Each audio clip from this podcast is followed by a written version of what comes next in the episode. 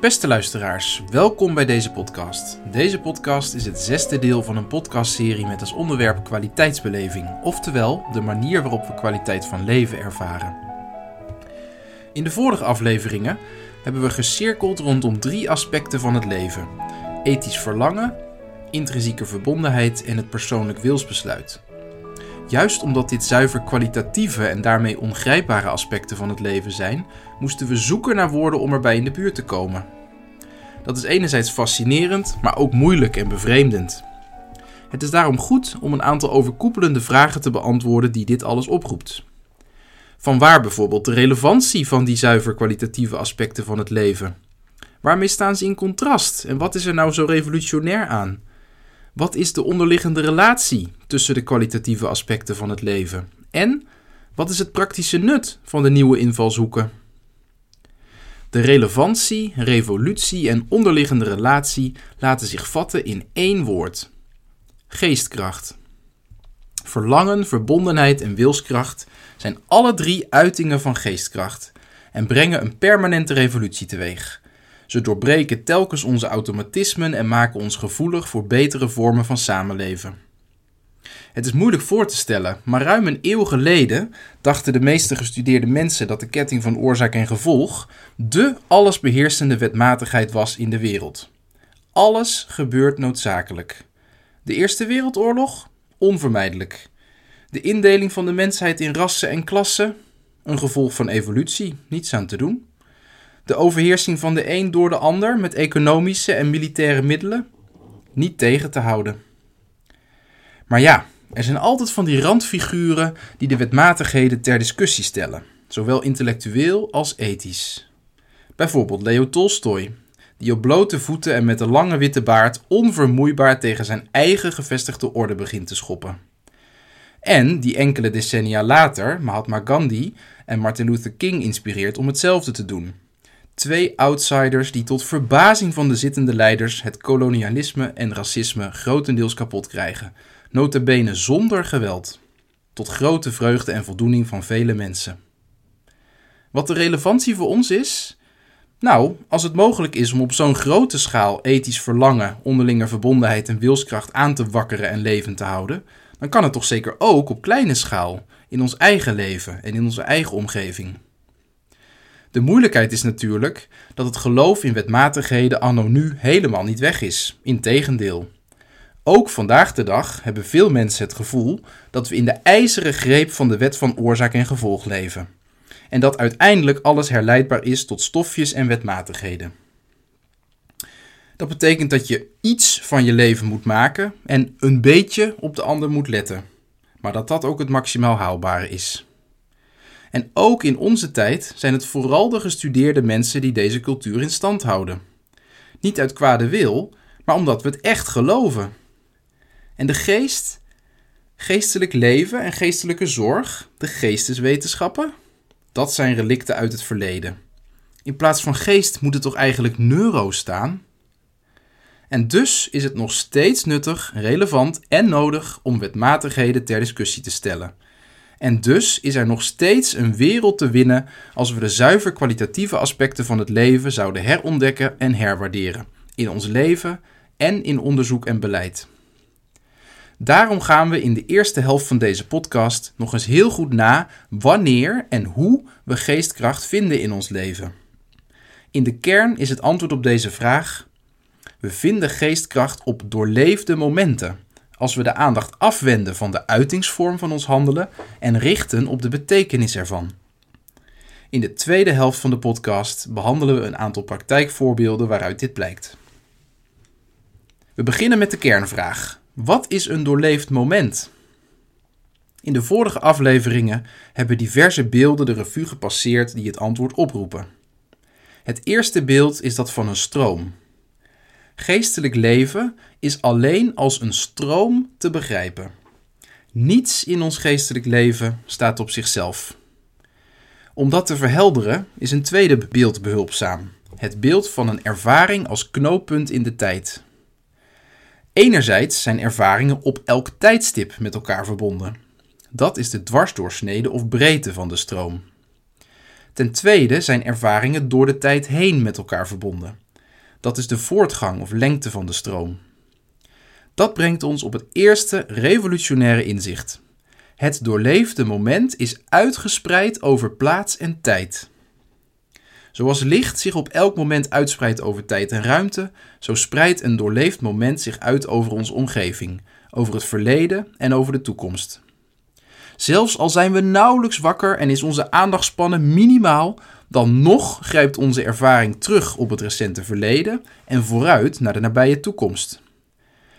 Wij kunnen niet anders dan in onze psyche leven en zijn dus niet anders gewend. Maar in feite is dit heel bijzonder.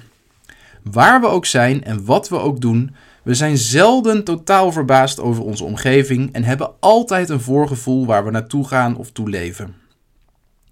Elke verantwoordelijkheid die we voelen, elk voornemen dat we realiseren, elke samenwerking die we aangaan, elke zin die we maken, het zijn in feite allemaal kleine wonderen.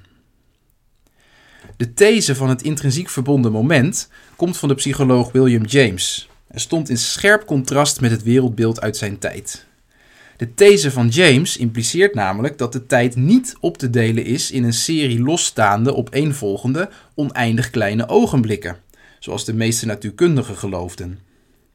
De tijd moet een bepaalde dikte hebben, die niet op te delen is, omdat elk moment inherent verbonden is met het voorgaande moment en het volgende moment. De verknooptheid van de tijd werd ook wel relativiteit genoemd. Het woordje relativiteit doet bij ons een belletje rinkelen. En inderdaad, kort na het overlijden van James ontdekte Albert Einstein de relativiteitstheorie. Die theorie bevestigt dat plaats, tijd en materie niet op zichzelf staan. Ze zijn niet alleen onze psyche onderling verknoopt, maar fundamenteel. Kort daarna komt de kwantumtheorie uit, een uiterst belangrijke theorie die ten grondslag ligt aan elke gebeurtenis in het universum. Ook in die theorie staan deeltjes en ogenblikken niet op zichzelf. Ook hier moeten we veronderstellen dat de wereld bestaat uit onderling verbonden gebeurtenissen. Hoe ze precies verbonden zijn, daarover doen de wildste theorieën de ronde. Mede omdat relativiteit en de kwantumtheorie nog steeds niet in één theorie samengebracht kunnen worden. Maar dat plaats, tijd en materie verknoopt zijn, dat is niet langer de vraag. Als we deze bevindingen aanvaarden en als we het fundamentele verbindende element in de wereld geest zouden noemen, dan blijkt ineens dat geest niet een ouderwets woord is voor wat in wezen een uiting is van materie in plaats en tijd, maar dat plaats, tijd en materie aspecten zijn van de uiting van geest. Ook al kan het nog decennia duren voordat dit besef in onze cultuur is doorgedrongen, het ligt besloten in de veronderstellingen van wat we nu al weten. De tweede vraag die we moeten bezien is: wanneer doet geest zich voor als geestkracht? Daarbij past een derde beeld, het beeld van geest als windvlaag. Meestal is geest een stille, verbindende kracht.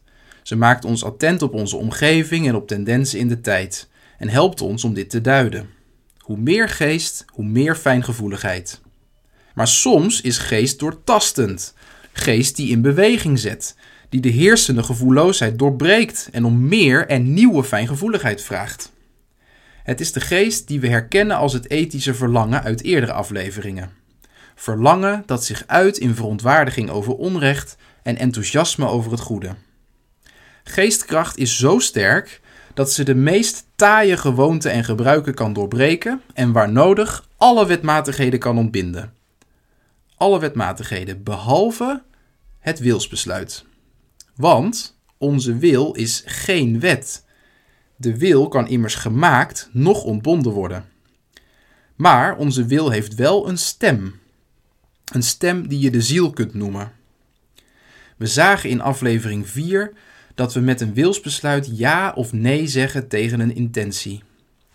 Als we het ethisch verlangen afwijzen, dan kan het zich niet verwerkelijken in ons leven, laat staan in onze omgeving. En als we het blijven afwijzen, dan maakt gevoeligheid plaats voor toenemende gevoelloosheid. Wij denken dat we niet zo snel zelf gevoelloze kanten hebben. Maar toch schrikken mensen elke eeuw weer als ze horen over de vorige eeuw. En waarschijnlijk zullen ook wij schrikken als we ons herinneren hoe we nu leven. Hoe kan het toch dat er ondanks de zachte krachten van geest en geestkracht nog zoveel gevoelloosheid bestaat? Om dat te begrijpen is een vierde beeld nodig, dat van een kijkdoos. Je kunt niet tegelijkertijd de binnen- en de buitenkant van een kijkdoos bekijken. Met het geestesoog is het ook zo. Of we richten onze aandacht op het geestelijke aspect van de werkelijkheid. Sfeer, bejegening, relaties, ontmoeting, integriteit, hoop en al het andere dat geest brengt in de wereld. Of we richten de aandacht op het fysieke aspect van de werkelijkheid. Op bewoordingen, posities, processen, techniek, logistiek en zekerheden. Kortom, geestelijk begrijpen en cognitief begrijpen zijn complementair. Dus, zolang we gericht zijn op het fysieke aspect van de werkelijkheid, zien we het geestelijke niet. En dat verklaart waarom er toch nog zoveel gevoelloosheid kan zijn. Het was wederom William James die dit bijzondere idee van complementariteit de wetenschap inloodste. Hij deed dit aan het eind van zijn leven, na een lange, intense filosofische worsteling met de dikte van de ervaring die hij twintig jaar eerder in zijn beroemde Principles of Psychology had gecanoniseerd. In zijn filosofische geschriften schreef hij: De enige manier om de dikte van de realiteit te bevatten is ofwel door het direct door je heen te voelen gaan, ofwel door het indirect op te roepen als je je inleeft in een ander. Maar die beleving of inleving is slechts van korte duur, ook al voelen we aan dat ze oneindig veel subtiliteiten bevat. Als we een miljoen jaar konden ervaren zoals we één minuut aandachtig voelen passeren, dan hoefden we ons cognitieve vermogen amper in te zetten. Dan zouden we het hele tijdsbestek net zo intiem kennen als die ene minuut die verstrijkt. Terwijl we die periode nu alleen met oneindig veel moeite met concepten kunnen reconstrueren. Geestelijk en conceptueel begrijpen zijn dus complementair. Ze verhelpen elkaars zwaktes. Helaas zijn James' filosofische werken vrijwel onbekend gebleven, omdat er in zijn tijd nog geen natuurkundige basis was voor zijn visie. Toch is zijn visie uitgerekend in natuurkunde revolutionair gebleken, omdat het de beroemde kwantumfysicus en Nobelprijswinnaar Niels Bohr op het idee van complementariteit bracht. Bohr stelde het idee centraal in de zogeheten Kopenhagen-interpretatie, die tot op heden de belangrijkste interpretatie is van de kwantumtheorie. In de natuur werkt complementariteit zo. Stel dat een deeltje een minuscuul klein kijkdoosje is. Dan geldt of je bekijkt de positie van het doosje in tijd en ruimte, of je kijkt in het doosje naar het momentum, oftewel de tendens of dispositie ervan maar nooit tegelijkertijd. Complementariteit blijkt dus een fundamenteel kenmerk van de natuur te zijn. En de opvallende parallel met de werking van de psyche kan geen toeval zijn, zo benadrukt de Bohr ook zelf. En dan duikt er na Niels Bohr notabene nog een frappante parallel op. En wel in de kenschets van een echt gewilde handeling van de filosoof Ludwig Wittgenstein. In aflevering 2 zagen we dat hij na een grondige toetsing besloot dat het gewilde aspect van een gewilde handeling alleen getypeerd kan worden als een houding of dispositie en niet als een psychologische staat of een psychologisch proces. Die houding duidt op het onzegbare, ethisch geladen aspect van de werkelijkheid, oftewel de rol van geest en geestkracht, die de onzichtbare binnenkant van de werkelijkheid vormen. We begrijpen nu dat het niet overdreven is om te stellen dat wat James, Bohr en Wittgenstein willen tonen, maar niet kunnen zeggen, ronduit revolutionair is. Complementariteit is dus een essentieel kenmerk van de natuur en van de psyche, maar nog niet van onze levenswijsheid en van ons onderzoek en beleid. We hebben immers vooral aandacht voor uiterlijke successen en wetmatigheden daarvan, terwijl de binnenkant en de buitenkant elkaar juist nodig hebben. Hoe krijgen we weer meer gevoel voor het geestelijke aspect van ons leven? Een goed startpunt is stil worden en luisteren. Wellicht brengt stilte het latente verlangen naar boven van iets dat je had weggestopt. Of word je herinnerd aan dat ene subtiele signaal van iemand die je hulp nodig heeft. Of misschien zit er iemand naast je die spontaan iets vertelt wat echt belangrijk is. Het zijn de kleine, spontane ingevingen die duiden op geest of geestkracht. En het zijn precies de motieven en drijfveren die uit die kleine ingevingen volgen, die een wereld van verschil maken in je leven en in je omgeving. In de vijfde aflevering zijn de ingrediënten van aandachtig leven uitgebreid besproken. Zijn er ook praktijkvoorbeelden die toepasbaar zijn in onderzoek en beleid? Als je ervoor open staat, zeker. In 2016 kwam ik daar min of meer bij toeval achter toen ik een onderzoek mocht leiden naar kwaliteit van leven van mensen met een beperking. We baseerden de vragenlijst op het gangbare onderzoeksmodel van het SCP en hebben 80 persoonlijke gesprekken gevoerd. Wat bleek? De antwoorden op de vragen waren minder significant dan de spontane narratieven die we tussen de vragen door beluisterden. In elk geval zijn er twee dingen wel goed gegaan.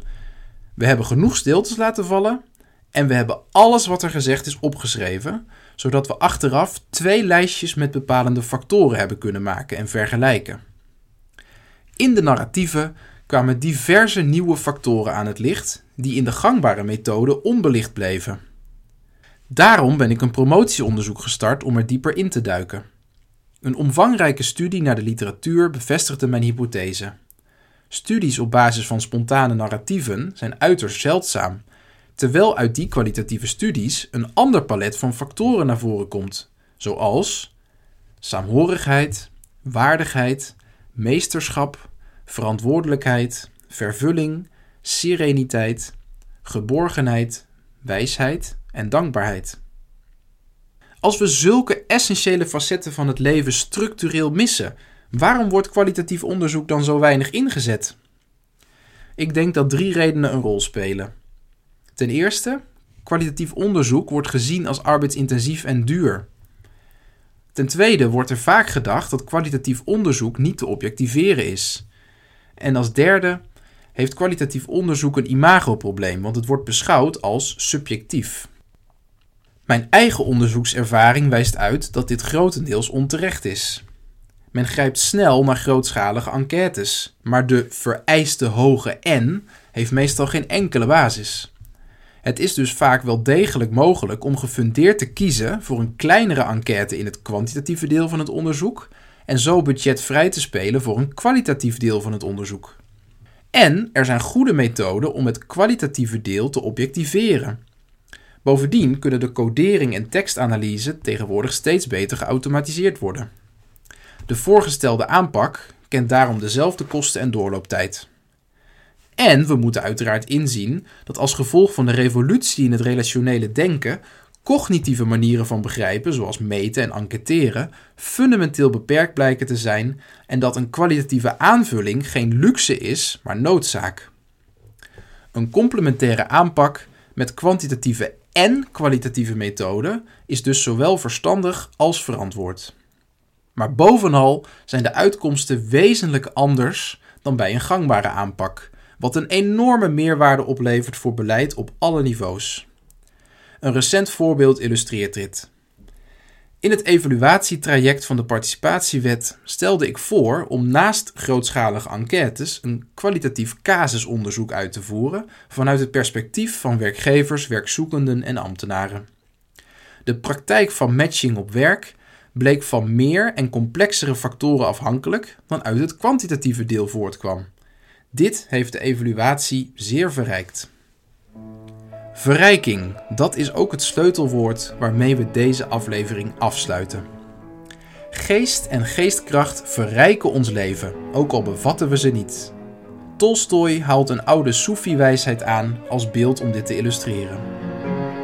Op een dag hoorden de vissen in de rivier dat ze alleen in water kunnen leven. Ze verbaasden zich en vroegen zich af wat water is. Dus zwommen ze naar de zee waar een wijze oude vis leefde. De wijze oude vis zei: Jullie weten niet wat water is, omdat jullie erin leven en ervan leven. Zo is het ook met geest. We zwemmen erin. Hoe weten we dan dat we ervan leven? Welnu, geest legt relaties, zoals ook de taal relaties legt.